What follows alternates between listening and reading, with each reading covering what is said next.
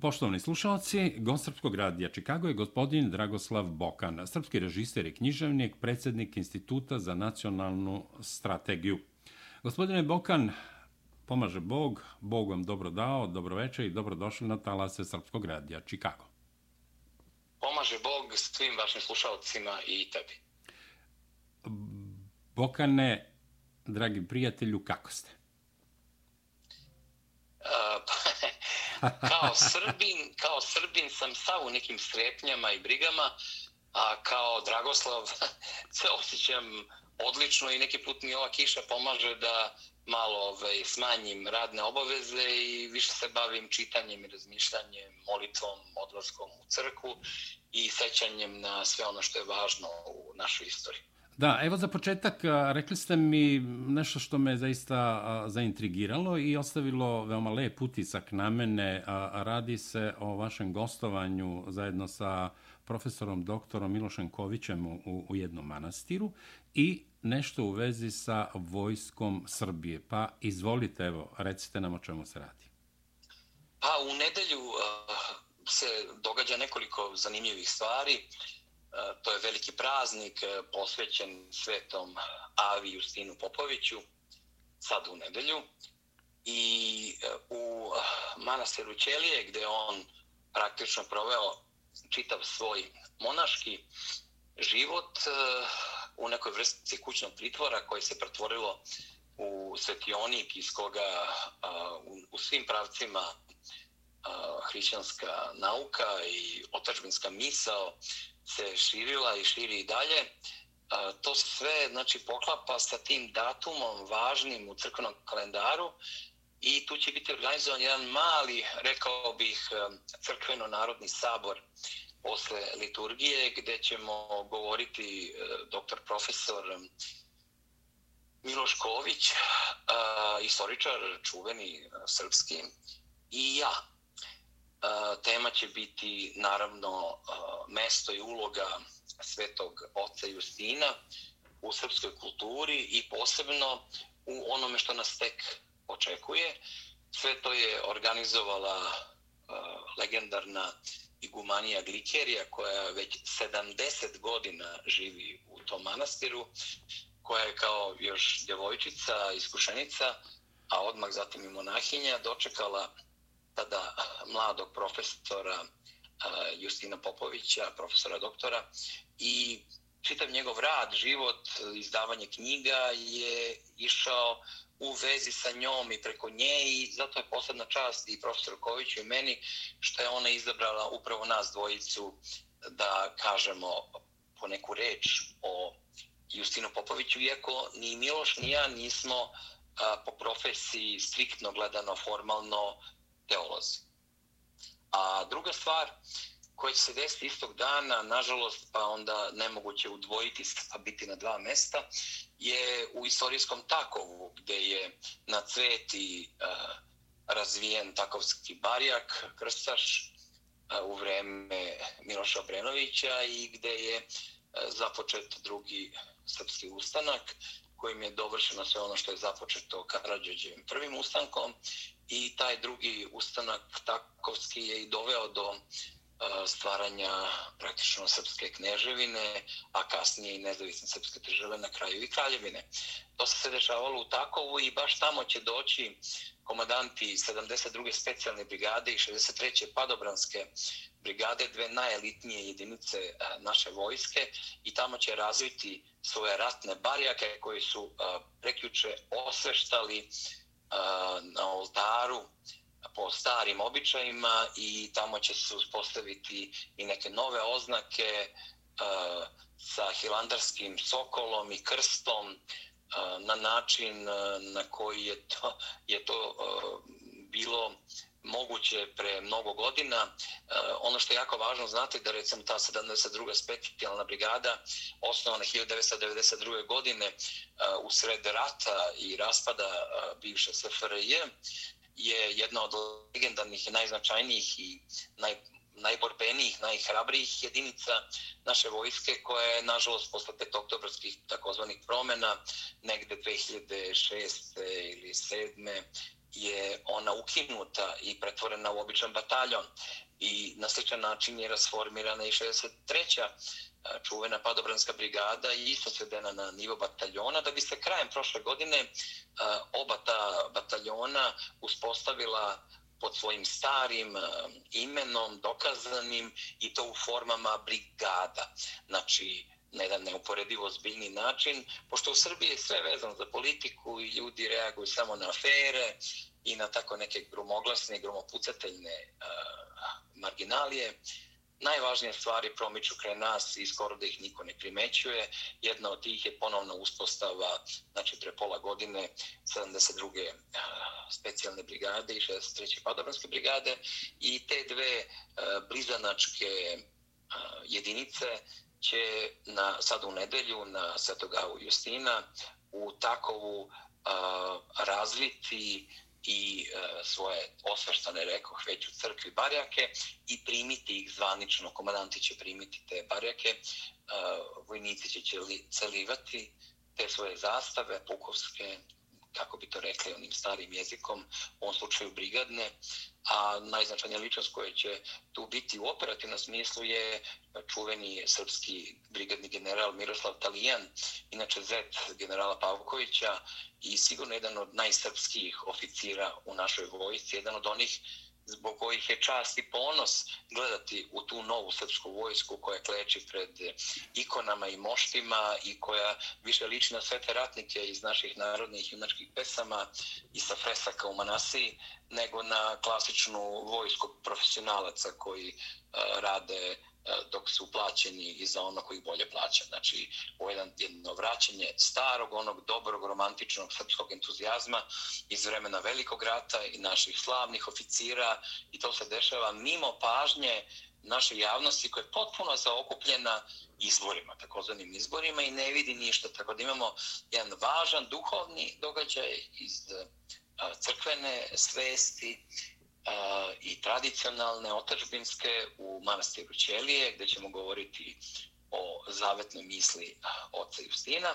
I istovremeno sa tim imamo veličanstven događaj koji je vezan za sakralni odnos prema svetoratničkom pristupu odbrani otačbine u istorijskom takovu. I to će se sve dešavati skoro neprimećeno pred očima srpske javnosti koje se bavi nekim njima mnogo važnijim, u stvari potpuno besmislenim, beznačajnim i nevažne stvari.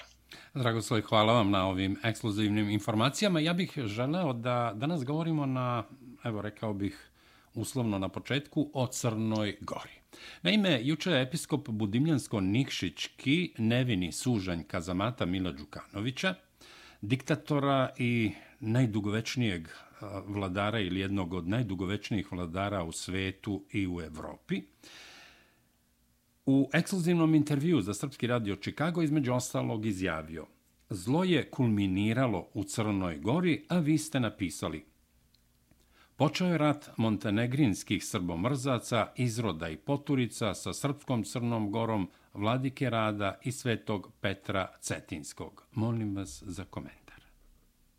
Jeste, tako sam napisao u jednom od mojih brojnih eh, borbenih tekstova kojima pokušavam koliko mogu ovako sa strane, iz daleka i sa distance, da pomognem i nama da shvatimo šta se tamo dešava, a i eh, našoj braći ove, eh, isto narodnoj, istorodnoj, istovernoj u Crnoj Gori, eh, da i sami razumeju koliko je veliki veličanstven podvig njihov i kakve iskušenja ih sve čekaju. Pa na način na koji je to moguće. Znate, neki put eh, morate znati šta je korisno, šta nije korisno bilo bi potpuno besmisleno kada bi mi počeli sada prelazimo granicu um, da kršimo razne njihove dozvole, da se tamo krijemo i damo izgovor vlastima i tom režimskom pendreku u ruci nekadašnjeg Srbina, a sada proustaškog, antisrpskog diktatora Mila Đukanovića, da na osnovu tako nekih um, um, spontanih gestova rodoljublja on izvede ludačke zaključke o nekakoj zaveri, čemu inače skloni, što je jedna od glavnih tema njegove propagande. Ta ideja da se uvek neko meša u, u njihove izbore, u njihove poslove, jer e, njihovi poslovi su stvari njegovi poslovi. E, njihovi izbori su njegovi izbori. E, crnogorska politika i sudbina je u stvari vezana za njegov porodični i e, lični odnos e, prema svemu. Znači, kada on kaže Crna Gora, on misli na sebe. I kad kaže o sudbina ove zemlje, on misli na svoju sobstvenu sudbinu i sudbinu svojih najbližih saradnika. Nigde u svetu nemate ovakav slučaj da mafijaške strukture i kriminalne potpuno zauzmu prostor e, takozvane politike i da zloupotrebivši nesreću Srba i opšto omraženo srpskog naroda u međunarodnoj politici na zapadu, e, kažem zloupotrebljavajući to, e, opravda pod navodnicima sebe za stvari zbog koji bi išao u zatvor. I umjesto toga on tamo vlada i ispunjava naloge koje dobija iz e, NATO zemalja, a vezane su za pravoslavlje. Moramo odmah od početka shvatiti značaj pravoslavlja. Znate, mi često pod utiskom naših života, gdje se pravoslavlje često svodi samo na slavu, svećenje vodice i, i slične događaje, možda odlazak na Vaskrs i Božić, da shvatimo da je pravoslavlje jedna velika sila i moćna i da je e, za, na zapadu među našim protivnicima e, se mnogo bolje razume značaj pravoslavne vere i oni znaju da ako to uspeju da unište kod nas i da svedu na samo crkvenu portu i e, kućne svečanosti, da onda time uništavaju sve ono suštinsko, sve ono identitetsko što nas oblikuje i što nas e, čini Srbima. U tom smislu, oni jako dobro znaju da je pravoslavlje ta duhovna, ali i geopolitička i kulturna osa koja povezuje Srbiju i Rusiju. I zato su napadi na pravoslavlje u Crnoj Gori i pokušaj napada na pravoslavlje u Republici Srpskoj, u Hrvatskoj, u Srbiji, Makedoniji, Severnoj, upravo zbog pokušaja da se e, sekući e, pravoslavne korene, da se praktično mi pretvorimo u zemlju koja na Rusiju gleda kao na bilo koju drugu zemlju na svetu, a ne kao na, na jednu zajedničku, sabornu, uh, istorijsku pratilicu, zaštitnicu koja je sa nama uvezana i na nebu i na zemlji i istorijom i sadašnjim situacijom i zajedničkim neprijateljima. Tako da sve strane napadi na Rusiju idu preko Srbije.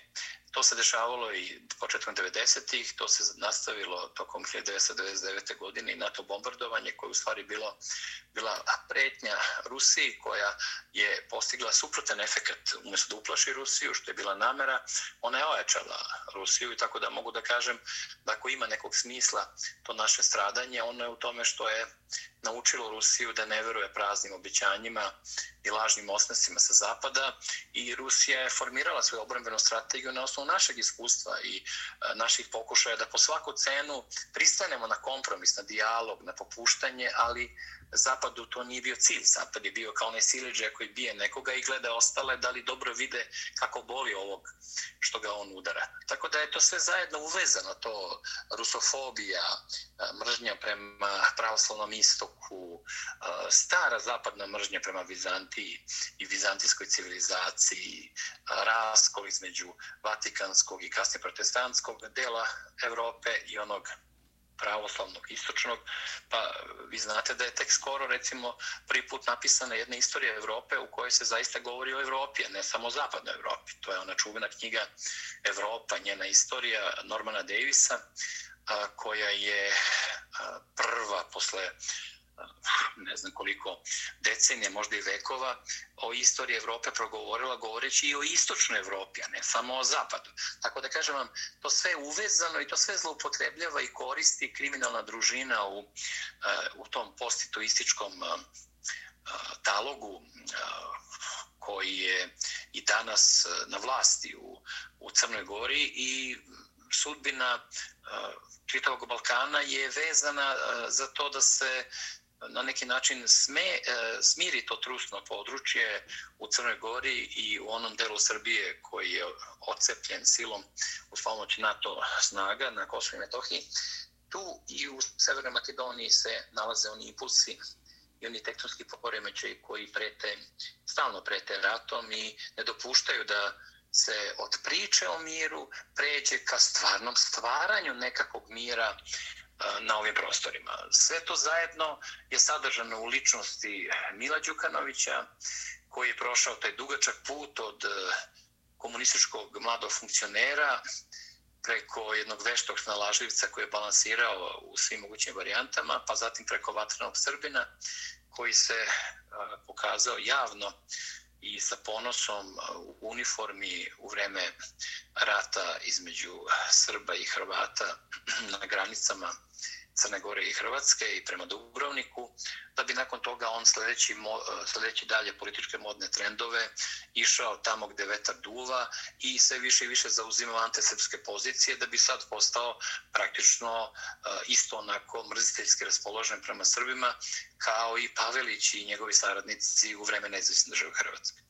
Da, Dragoslave, vi ste u tekstu u kome govorite o ratu Monte Negrinskih srbomrzaca konstatovali da se taj rat neće završiti tek tako i bez posljedica. O kakvim se posljedicama radi? Pa znate kako, najkrvaviji, najžešći, najstrašniji su uvek građanski ratovi. To su ratovi strasti, znate, da. kao i bračne svađe, kao i sukob među braćom, oko nasledstva ili među komšijama, znači uvek tamo gde postoji emocija, gde postoji neka zajednička prošlost ili nešto što je bilo nekada jedinstvo, prijateljstvo, to sve, kada se to uskomeša i kada krenu braća, bivša braća, jedan na drugoga ili dovoljno jedan prema drugom, nije potrebno da obojica učestvuju u tome, tu dolazi do velikih strasti. Nimalo slučajno pokatoličeni Srbi su bili često najžešći zločinci i najkrvavi dželati u crnim uniformama ovaj, Francetićeve legije i Pavelićevih oruženih snaga. Tako isto u Crnoj Gori se stvara jedan novokomponovani eh, kvazi nacionalni identitet kome je otac eh, Tito, Josip Broz je otac te novokomponovane, novostvorene crnogorske nacije koja se odrekla svih svojih svetitelja, najmen jedan svetitelj eh, na toj teritoriji, ajde tako da kažemo, eh, nije sebe smatrao nikako drugačije nego Srbina. Nijedan svetitelj eh, se tu nije smatrao ne Srbinom. Jedina medalja za hrabrost koja je postojala u svim varijantama tokom postojanja Knježevine pa i Kraljevine Crne Gore bila je medalja Obilića, a istovremeno sa tim e, Kosovski zavet je bio snažno prisutan e, u svim ili značajnijim, ne samo intelektualcima i pesnicima, nego među vladarima, među vojskovođama, serdarima, vojvodama u, u toj istoj Crnoj Gori. Znači, tu se dešava jedna plastična operacija identiteta, jedna travestija, jedno menjanje pola Crne Gore, koje odjednom postaje nešto sasvim drugačije i suprotno sebi. I ta nacija koja je negde započeta 45. 6. godine da se formira, a 74. je dobila ovaj, svoju punu snagu i podršku tim užasnim ustavom koji je te godine Tito nametnuo svima nama na štetu Srba, na korist svih antisrpskih koalicija u bivšoj SFRJ. Tu je on i projektovao budući raspad i građanski rat. Ovde, naravno, nastavljajući na optuženičku klupu i u najgori položaj. Sve to zajedno je dovelo do toga da mi moramo danas da izgovaramo e, jednu važnu misao kao moto. To je e, Crna Gora će biti ili Milova ili Hristova. Da. A kad kažem ili Milova ili Hristova, to je kao da kažem ili Titova ili Hristova. Ili kao da kažem ili Đevolska ili normalna ili kao da kažem ili mafijaška ili a, pravedna ili kao da kažem ili a, a, u zlo i greh utonula ili ka boljoj budućnosti i časnoj prošlosti okrenuta. Znači, znate kako, toliko su jasne stvari u Crnoj Gori. Ono što je u stvari najbolje od svega. Tu nema onih komplikovanih linija kao recimo u Srbiji, gdje vi često imate jako dobre i plemenite ljude na raznim političkim stranama fronta, znate, na ovoj i onoj, a, i to među nama, Srbima, patriotski orijentisanima, koji smo drugačije raspodeljeni. U Crnoj Gori je sve jednostavno. Tamo je ili vera ili nevera. Oni koji su prodali svoju dušu i oni koji se bore da zadrže. Oni koji su hristoliki i oni koji su bez identiteta, koji pokušavaju da naprave nasilje nad sobom, nad svojom prošlošću. Pa mi se sećamo onog užasnog primjera o kome smo govorili čoveka koji vodi univerzitet u Titogradu, koji se sad zove formalno Podgorica, ali nažalost i dalje je Titograd, koji se odricao svog rođenog dede i koji je menjao natpis na njegovom nadgrobnom spomeniku. Me smetalo što, što se on tamo naziva Srbinom. E, tako da s te strane mi ovde imamo jezive primere autošovinizma, samoporicanja, i gotovo psihopatskih e, primjera ostrašćenosti prema sobstvenom identitetu. Znate, ja to uvek zovem izrodima. To su ljudi koji su stvarno izašli iz svog roda. Ali ne samo što su, nisu izašli pa otišli u neke druge, nego oni su izašli i žele da nas sve, koliko je nas ima, da nas ponište, unište, pobiju, sklone, isteraju i da izvrše duhovni, identitetski genocid nad onim što se zvalo vekovima srpska Sparta i što je imalo naravno svoj državni identitet, ali ne, ali ne i nacionalno različit od nas. Znate ono, kao što danas Republika Srpska i Srbija imaju isti identitet srpski, otačbinski, iako postoji Republika Srpska, a ovde postoji Srbija. I kao što je toliko bilo, pa imali smo i Srpsku Karlovačku patrijaršiju i Pećku patrijaršiju, imali smo i Cetinsku mitropoliju, imali smo i Beogradsku mitropoliju, Smederevsku, a to sve zajedno je bilo srpsko i bilo je vezano za naš svetosavski pravac u duhovnoj istoriji. Tako isto je, sad pokuša, pokušavaju da proglase Srbe okupatorima, ne Austrijance, a ne Turke, a ne Ustaše, a ne sve moguće komunističke bande koje su napravili pasija groblja i deo najboljih e, Srba u Crnoj Gori pobili i time napravili u stvari temelje onoga što će Tito zajedno sa izdajnicima srpskog naroda u Crnoj Gori podizati da bi sve to krunisao danas Milo Đukanović, koga zato i zovu Milo Đukaj. I, mislim, to nije šala. To je čovek koji nije beznačajan, znate, ni on ni glup, ni naivan. Naprotiv, on je vrlo iskusan političar, rođen je na sretenje, na veliki praznik, a nije kršten. Znate, e, iako e, pokušava da napravi čak svoju crkvu, tako nekršten. E, ne pokušavajte čak ni da odglumi nešto što bi mogli da nazovemo drugačijim oblikom pravoslavlja, da bi onda on mogo da se poziva na neke primere iz istorije. O čemu može da govori čovjek koji nije kršten? Ni u pravoslavnoj, ni u, ni u rimokatoličkoj, ni u kakvoj veri i crkvi, on jednostavno prkosno i decenijama nije kršten, iako i tekako zloupotrebljavao a, svoje a, odnose i druženja sa mitropolitom Amfilohijem, sa patrijarhom Pavlom i gde god mu je trebalo ne prilazio sa osmehom, slikao se, dobijao svoje poene, nakon toga odbacivao sve to i u čoveka koji celiva desnicu patrijarha Pavla pretvorio se u čoveka koji izgovara najstrašnije rečenice o pravoslavlju o srpstvu još od vremena kada su o tome govorili Savić Marković Štedimlija ili Mile Budak ili Ante Pavelić ili Slavko Kvaternik ili Dido Kvaternik.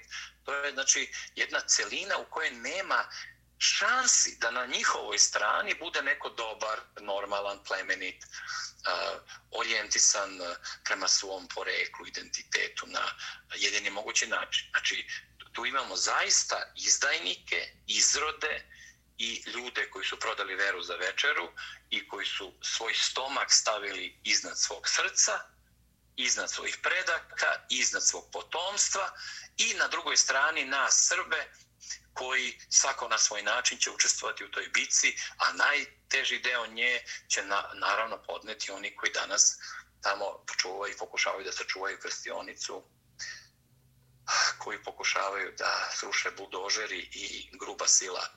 Eh, Mila Đukanovića, kao što su srušili taj konak eh, uz crku Vasilija Ostroškog iz 17. veka kraj, kraj Ulcinja. Znate, nije slučajno što je prvi udar eh, i simbolički išao na svetog Vasilija Ostroškog, a sada ide na Njegoš.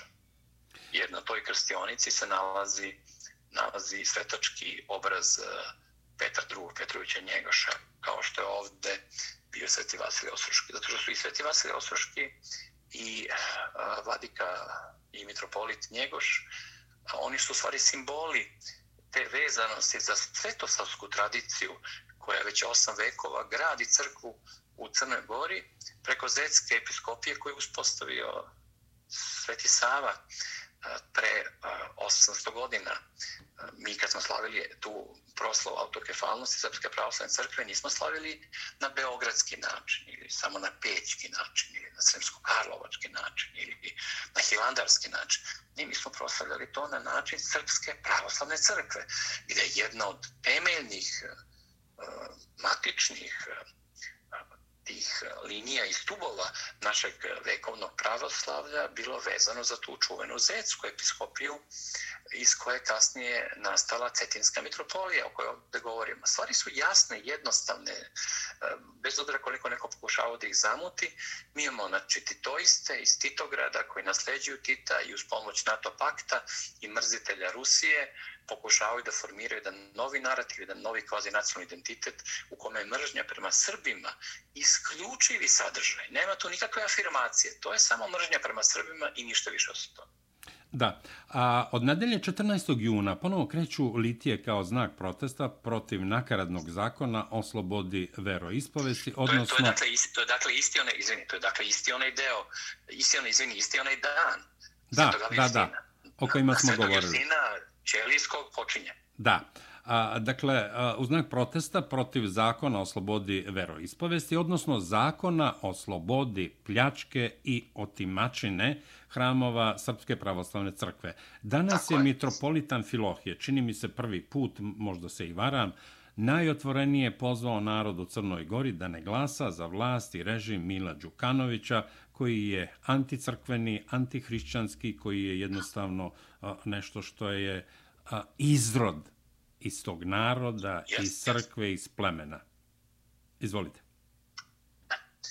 Pa, mitropolitan Filohije, znajući za sve ratove, sukobe i trvenja u skorijoj istoriji Crne Gore, on sve vreme pokušava da nađe neku meru i da udalji taj oganj politike od eh, suve slame eh, emocija naših ljudi, ono što nažalost eh, u Srbiji nije uspelo da se uradi, pa sad gori sve na sve strane i često pravimo samoubilačke poteze i dajemo sebi autogolove na radost svih naših komšija, istrebljujući jedni druge i, i ovaj, sagorevajući u međusobnoj mržnji. To isto Metropolitan Filohije pokušava da izbegne, što je tamo primjer jeziv bio iz ratnih godine, neposredno prvih godina posle rata, Mi znamo da je tamo više sveštenika pravoslavnih pobijeno nego u nezavisnoj državi Hrvatskoj i više su posebno crnogorski komunisti pobili naših monaha, naših vladika, mitropolita čak, e, vernih ljudi, nego što su to uradile Ustaše. Tako da je e, sećanje na to, na trenutak kad se pucalo ikoni Hrista u čelo, kad se sahranjivao Bog u nekom praznom kovčegu, kad, se, kad su se od crkvi pravile štale, pravili toaleti, e, igrala kola, e, ne znam, puštana stoka da, da tamo boravi ili se e, ubacivalo kamenje od nekadašnjih vekovnih manastira u e, svince i u e, razne pomoćne zgrade ljudi tamo, znači iz tog jednog jezivog iskustva iz prošlosti je došlo do stava mitropolitovog da pokuša da izbegne koliko god je moguće prelazak u ono što se može fizički nazvati i politikom on je pokušao dokle moglo, on je to i radio, čak možda i preko neke crvene linije, ali sad više ne može, jer sad e, ovdje imamo znate, ono, situaciju kao u Trećem rajhu, kada su oni rešili da ruše jevreske sinagoge. To nisu uradili tako što su pustili neke ulične a, sileđije da pale sinagoge, nego su napravili kvazi zakone, imali nekakve sudije u togama koji su na savršenom nemačkom jeziku, uscitiranje ne znam kakvih članova, zakona trećeg carstva i njihovog ustava, doneli zaključke da se sinagoge trebaju spaliti i mogu spaliti nekažnjeno, tako i se se radi formalno i u Crnoj Gori, tako što se izjednačavaju hramovi, crkve i manastiri, se izjednačavaju sa garažama, magacinima, divljom gradnjom, periferijskom i na taj način dolaze bageri koji imaju nekakve naloge za rušenje po njima bespravno izgrađenih eh, eh, prostorija, a te bespravno izgrađene prostorije su stvari sakralni, osveštani eh, ambijenti koji su svetinje. Znate, ne možete rušiti svetinje sa logikom sa logikom koja je formalno samo kvazi ispravna, u stvari suštinski udara na sav smisao života. To je kao kad bi došli vatrogasci da gase večne vatre koje postoje recimo u nekim zemljama sveta i koje se nikad ne gase i sad dođu se vatrogasci i kažu ja videli smo otvoreni plamen, plamen otvoreno, ajmo da ugasimo to, to je opasno da ugase večnu vatru. Pa to ne može, znate, tu postoje, postoji kontekst zakona. Ne služi zakon da bi grupa razbojnika uh, preko zakona napravila razbojničku državu koja sve pravedno smatra za nepravedno kao u nekoj orvelijanskoj priči, nego mora da postoji ipak nešto e, što gde iza prava postoji makar trunčica pravde. Ovde ne postoji to i pošlo se u otvoreni sukob. Znate, oni nasrću i oni čekaju na reakciju. Mi ne znamo koji Tako za tih... je, e, suština je oni čekaju, hapšeći vladiku, pa rušeći, oni čekaju i pipaju pa, puls. Pa, ako ne budu uspeli, ako ne budu uspeli da izazovu Srbe na reakciju, onda će oni napriti provokacije. Pustit će svoje ljude da udaraju na svoje ljude na način Račka, na način Markala i tako će oni napraviti za sebe incident koji će im trebati pa će od posljedice napraviti uzrok i onda krenuti da pričaju o srpskom imperializmu, o velikosrpskim nastojanjima da kolonializuju sve ostale i sve one priče užasne, odvratne i lažne koje smo slušali u vreme NDH, Pavelića i u vreme Broza i u vreme tranzicije i u vreme ratova protiv nas i te jezive izjave mnogih svetskih državnika koji su rasistički komentarisali Srbe na najužasniji, najjezovitiji mogući način kao stoku, kao životinje, kao neko ko ne zaslužuje da živi uopšte. To je stvarno strašno. Mislim, I onda u toj varijanti koristeći tu matricu i taj od eh, zapada odobreni narativ, on ide uh, do kraja. On je rešio sad više da se ne povlači, ide na sve ili ništa. I ja znam sigurno da će dobiti ništa. Ja znam sigurno da će biti poražen. Ako ne ove godine, sljedeće. Ako ne sljedeće, one sljedeće. Ali gledano iz perspektive dugog trajanja, a tako se istorija gleda, iza njega će ostati sramni, sluzavi, izdajnički trag koji će potomstvo pamtiti vekovima, a članovi porodice Đukanović koji su u krvnoj vezi sa njim će se stideti veze sa tim čovekom koji je sada još uvek prvi čovek te i takve razvojničke mafiješke Crne Gore koja je praktično postala država blizanac razvojničkom Kosovu. Znate, on traži uporište u Prištini, Tirani, u Zagrebu, posebno u Zagrebu. Tu je specijalno svih antisrpskih e, izroda koji su odvajajući se od srpstva u raznim delovima naše otačbine preuzimali ustaški hrvatski zagrebački kod. I onda, znate, to je model.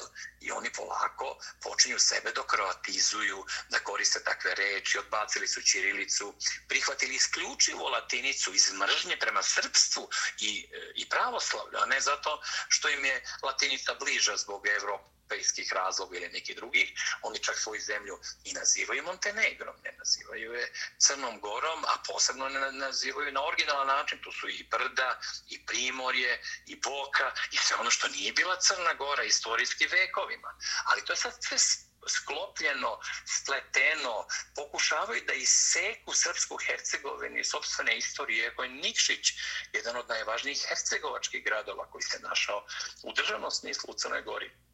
Ali ne može nikad biti u antisrpskom kontekstu e, postavljen taj isti Nikšić, iako je, nažalost, onaj nesečni vlasnik Bagera, kada je njegov radnik po prezimenu Koprivica odvio da ruši crkveni konak, onda je on seo u svoj Bager, a on je, i to je inače firma iz Nikšića. I onda je on krenuo i sebe zaovek zabeležio u istoriju bestidnosti beščašća sobstvene zemlje i beščašća za uvek je sebe tu postavio time što je krenuo da udara sa tim kranom po vitražima, po freskama, po, po onoj ploči e, vezanoj za osvećenje koje je tu svojevremeno postavljena i da pravi e, cirkus, da prave, oni prave neku vrstu e, rušilišta, nešto suprotno od gradilišta, i to rušilište je prkosno rušilište gde oni nasreću na Hrista, znate, kao iz priče o Antihristu u Evanđelju ili kao iz priče o, o poslednjim rimskim carevima koji su dobijali napade besa kad bi primetili hrišćane, one koji nisu hteli da polažu žrtve i zakletve njima kao bogovima. Da. Nego su umjesto njih za Boga smatrali tvorca, svetu trojicu. Tako isto i on ima isti bes za one koji njega ne smatraju većim, značajnijim od Hrista i od Boga. Da, Dragoslave, on, o, izvinjavam se. Pa kažem, on je Bog uh, za sebe. Znate, ono, kao nekim ludim uh, sociopatskim horror bajkama. Da, i paše kao jezivo. pod navodnicima a, oni koji su kao Neron i ostali misli da su bogovi u Rimu, pa će tako najvjerovatnije i da padne i da skonča na džubrištu istorije. Ali hteo sam da, da se malo vratimo u Srbiju. Naime, evo, pominjemo Zagreb, pominjemo Prištinu, pominjemo deo Sarajeva, tog ovaj, muslimansko-bošnjačkog, evo, deo Montenegrina, jer nikako ne treba poistovetiti tu časnu Crnu Goru sa onim što je režim Mila Đukanovića i sa Montenegrinima. Naime, u Beogradu se dešavaju užasavajuće stvari.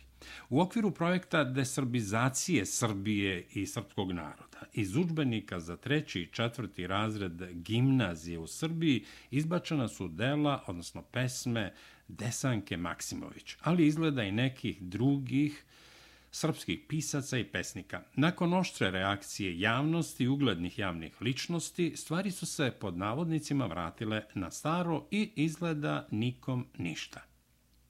Dragoslave, da li će iko ikada u Srbiji odgovarati za veleizdaju, za pljačku i mega pronavere, ekonomski i kulturološki genocid koji je na seni i dan danas i koji se sprovodi na srpskim narodom i Srbijom? Znate kako? 5. oktobra 2000. dogodila se revolucija revolucija. Suština te revolucije je promjena svesti srpskog naroda. Zašto je nestala 72. brigada i 63. padobranska brigada i postali su bataljoni? Zašto su istopljeni tenkovi? Zašto je odbačena vojska? Zašto su svi oficiri sa ratnim iskustvom oterani u penziju? Zašto su heroji bačeni u hag? Bez ikakve podrške iz zemlje i njihovim porodicama i njima. I zašto su deca počela da uče tu jezivu priču u kojoj nismo smeli da izgovaramo reč agresija, NATO agresije? Nego su morali da tražimo blaže izraze. Niko nije obeležavao to. Naši su se predsjednici i prvi ljudi politike izvinjavali našim neprijateljima. Klečali pred onima koji su napravili Jasenovac. I o čemu mi pričamo onda? To je 20-godišnji jezivi kontinuitet koji nastavlja 75-godišnji komunistički isto tako jezivi kontinuitet. Mržnje prema srpstvu, mržnje prema srbima, mržnje prema duhovne kulturi. Ne samo prema Desanki Maksimović, nego prema svemu što je srpsko. I sad mi izvadimo jedno malo prčence, jedan kamenčić sada iz niza koji teče kao, kao vodopad prema nama i preplavljuje nas i davi nas. I onda naravno u stopu predizborne borbe onda se to hvata i vrti se u priču. Meni je jeziva stvar kad neko zloupotrebi neku nesreću, neku tragediju srpsku i neki užas. To mi je jezivo kad neko to krene da se to Bože iščuđava, da se brine, da cokće, da klima zabrinuto glavom samo iz užasnih jeftinih politikanskih razloga. I to upravo oni koji su nam uveli 5. oktobar koji su poslali naoružene ljude u banke, u preduzeća, u firme, koji su Srbiju objavili na prodaju kao prostitutku, kao političku sponzorušu.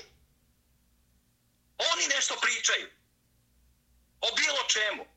U bilo kom drugom narodu na svetu oni ne bi imali pravo glasa. Pa bi onda mi mogli da razgovaramo o greškama i grehovima sadašnje vlasti. Onog sekunda kad udaljimo one koji su sve svoje šanse potrošili, koji su pokazali ko su i šta su. Jer mi zaboravljamo šta se sve tu dešavalo. Jer mi zaboravljamo njihove priče, njihov užas, njihov teror, njihovo ismevanje srstva, njihovo davanje prilike šiptarima da prave cirkus i performanse ludačke u sred Beograda. Ta podrška nevladinim organizacijama koji su ismevale i raspinjale na krst sve, je bilo što, sve što je srpsko. To je ono što je nenormalno, užasno, neljudsko. I to traje, i traje, i traje. I deo toga je čitav trend. To je te kupovine novih poglavlja za pristupanje Evropskoj uniji. To je ta ludačka priča koja traje 20 godina. Deo toga je promjena svesti našeg naroda, promjena koda naše književnog kanona i naše kulture. Sklanjanje onih nacionalno orijentisanih i ukorenjenih sadržaja posebno zavetnih, jer Sen Desanke Maksimović tu je u igri isklanjanje e, epskih narodnih junačkih pesama, Vladana Desnica kao našeg velikog pisa iz onog dela koji sada pripada Hrvatskoj. I mnogo šta drugo što je sve postavljeno u pravcu koji Zapad diktira, kao što diktira Milo Đukanović se obračunava sa pravoslavljem da bi nas od, odvojili od, od zajedništva sa Rusijom, ne ovom političkom Rusijom, sadašnjom ili prošlom, nego onom večnom Rusijom, naših zajedničkih svetitelja, naše zajedničke, naših zajedničkih ideala hrišćanskih i manastirskih i duhovnih. To oni rade. I to je jedna borba u kojoj se igra ping-pong, u kome jedna politička varijanta udari ping, onda druga varijanta udari pong i tako se igraju. A ljudi se povijaju na jednu, drugu stranu, zaboravljaju šta je bilo, pa se onda ljute kao da je to juče nastalo, nešto što je nastalo pre 20 ili pre 75 godina. To je ono što meni smeta. Ja ne podnosim zloupotrebu. Ja ne podnosim lažne priče, lažnu vatru, lažne afere. Baš me briga za prave ili lažne doktorate, za nečiji stan, u državi u kojoj je pokradeno 300.000 stanova i kuća. Oni koji su seli i zaseli u te kuće, bacili porodične fotografije u džubre, preuzeli još tople tanjire da jedu iz njih. Njihova deca nešto pričaju o tome kako je ko došao do stana. Jo, baš strašno. To stvarno strašno. Šta neko je uzeo stan? Ima ljudi koji imaju 70 stanova. Vi znate to? 120 stanova, 150 ne. stanova. Ne znam. Pa da, ima ih. Iz vremena Miloševića, iz vremena gradske vlasti Vuka Draškovića, iz raznih varijanti. Pa, pa, se, pa to je logično, pa taj grabež, taj profit koji je zamenio sve ideale, ta ekonomska politika i takozvana privatizacija, koji su zamenili, zamenili solidarnost i brigu o nama, o bilo kome, ne samo ranjenicima, siročati. Pa vi znate, da u Srbiji već decenijama se postavljaju zakoni preuzeti iz norveškog zakonodavstva, koje je najjezivije zakonodavstvo socijalne politike i odnose prema deci iz porodice u odnosu na bilo koje drugo evropsko zakonodavstvo. Jer, smo mi, jer se mi tako približavamo Evropi, je tako? Pa onda, kada siromašni otac i majka ne mogu da izdržavaju dete, njima onda socijalne službe otimaju dete i daju hraniteljskoj porodici. A onda to istoj hraniteljskoj porodici daju novac daju ozbiljan novac da izdržavaju to dete. Pa zašto taj novac nisu dali roditeljima? Tako je, tako je. Ali to nije izmišljotina sadašnjeg ministra. Ni prošlog. Nego to traje decenijama. To je naše priključivanje evropskim integracijama, otvaranje novih poglavlja. To su kursevi koji završavaju ti nesrećnici i nesrećnice iz socijalnih službi. Ali se to naravno iz predizbornih razloga predstavlja kao greh isključivo ove vlasti sada, a pre toga smo živjeli u švajcarskom selu, bogato i zadovoljno, srećno i blaženo, a onda dođeše lopovi prevaranti i sve ne upropastiš. Kakva je to farsa? Zato se ne bavim politikom. Zato što prezirem takav način odnosa prema istini ta razbijena ogledala sa iskrivljenom slikom. Tako da je dobro što ste me pitali to za desanku, da mogu da vam kažem sve ovo. da ljudi koji slušaju ovo osete tragediju koju mi živimo, raspeti na komunističkom, tranzicionom, kapitalističkom, pronatovskom, antisrpskom, antiotačbinskom krstu. Iz koga moramo da vaskrsnemo, a ne ujedinjeni, neorganizovani, da svako od nas se bori iz svoje lične perspektive. Da moram prvo da platim kiriju i struju i obaveze prema deci, životu, svemu, pa da onda vidim šta mi je ostalo da mogu da se malo bavim srpstvom u slobodno vreme. Jer smo takvi, nismo se ujedinili, nismo se objedinili sve tim pričama zgražanja nad ovim postupcima, nad onim postupcima. Pa jao, zamislite, molim vas šta se desilo. Korupcija u preduzeću XY. Pa to je neverovatno. A sva preduzeća napravio Tito da budu lažna preduzeća. Pravili su hidrocentrale tamo gdje nije bilo vode zato što je bio rođen neki lokalni politički funkcioner. Stavljali smo idiote na neka rukovodeća mesta da bi se ključ ispoštovao. Znate ono, 6 plus 2, 8 različitih. Pa ako je nesposoban, mora da se gurne da bi bio predstavnik jedne od tih osam buktinja sa Avnojevskog grba. Mi smo u jezivoj situaciji. A igramo se politike, igramo se izbora, igramo se nekih međusobnih priča, zgražamo se, optužujemo jedne druge da smo botovi, sendvičari, uh, ulizice. Katastrofa! Katastrofa! Imate ljude koji su multimilioneri, optužuju ljude koji žive u izanjenom stanu da su oni, to bože, prevaranti. I ulizice. A sto puta su talentovani i sposobni od tih multimilionera. Ali uvijek je tako nepravda je uvek bučnija od pravde.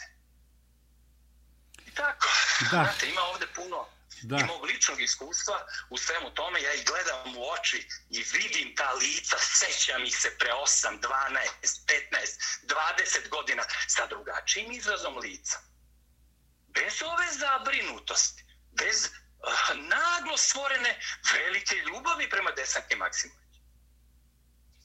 Ali, eto, ako ništa makar mogu da strašću i, i emocijom pokušam da predstavim vašim slušalcima šta se ovde dešava, kakve su to igre, koliko je klopki, kakva je sve mreža oko nas zaovijena, a uprko svemu tome i dalje postoji srpstvo, i dalje postoje Srbi, i dalje postoje grobovi dobrovoljaca koji su sami otišli bez poziva i mobilizacije na ratište i poginuli tamo. Isto kao 1300 kapara. Isto kao herojski ravnogorci ili junački hajduci, komite, ustanici. U ovoj generaciji koja je vaspitana na rock and rollu, vaspitana na Coca-Coli, farmerkama, hollywoodskom filmu, ali kad je bilo došlo stani i pani, ima njih koliko hoćete koji su ustali ujutro, prekrstili se i otišli na ratište da se više nikada ne vrate i nama daju primjer šta je to rodoljublje. Dragoslave, hvala vam što ste bili gost Srpskog radija Čikaga. Hvala i tebi, Milorade, na, na tvojoj upornoj, upornoj borbi za srpstvo. Naši preci su nam ostavili takvo nasleđe, toliko junaštava, svetiteljskih podviga, prelepih hramova, najlepših ikona, fresaka, primjera iz istorije. Pa samo pogledajte eh, Mihajla Pupina, pogledajte Teslu, pogledajte Svetog Savu, pogledajte Njegoša, pogledajte Filipa Višnjića, pogledajte Milana Rakića, Miloša Crnjanskog, Majore Gavrilovića, pogledajte četvoricu Vojvoda Putnika, Stepanovića, Vojovića i Mišića, pogledajte sve te junake, Vojvodu Vuka, Voju Tankosića, pogledajte sve što smo mi nasledili. A kakvi smo mi koji smo to nasledili? To je ono što treba svako od nas da zapita sebe. Šta sam uradio ja za to da srpstvo opstane? Ne pričom, ne internet referendumom, ne niti papirnim glasićem 21. juna. Ne, ne. Nego šta sam konkretno ja uradio da pomognem braći da se izvore, da srpstvo ne nestane u 21. veku, ako već nije nestalo u ovih 8 vekova. Dragoslave, bratski pozdrav budi dobro, čuvaj se i naravno ponovo čućemo se narednih dana i oko izbora i nadam se oko još nekih aktuelnih stvari koje će se u budućnosti desiti. Ali na dobro i na opstanak i srpstva. Bog sa nama, hvala ti, brate, i prijatno. Laku noć.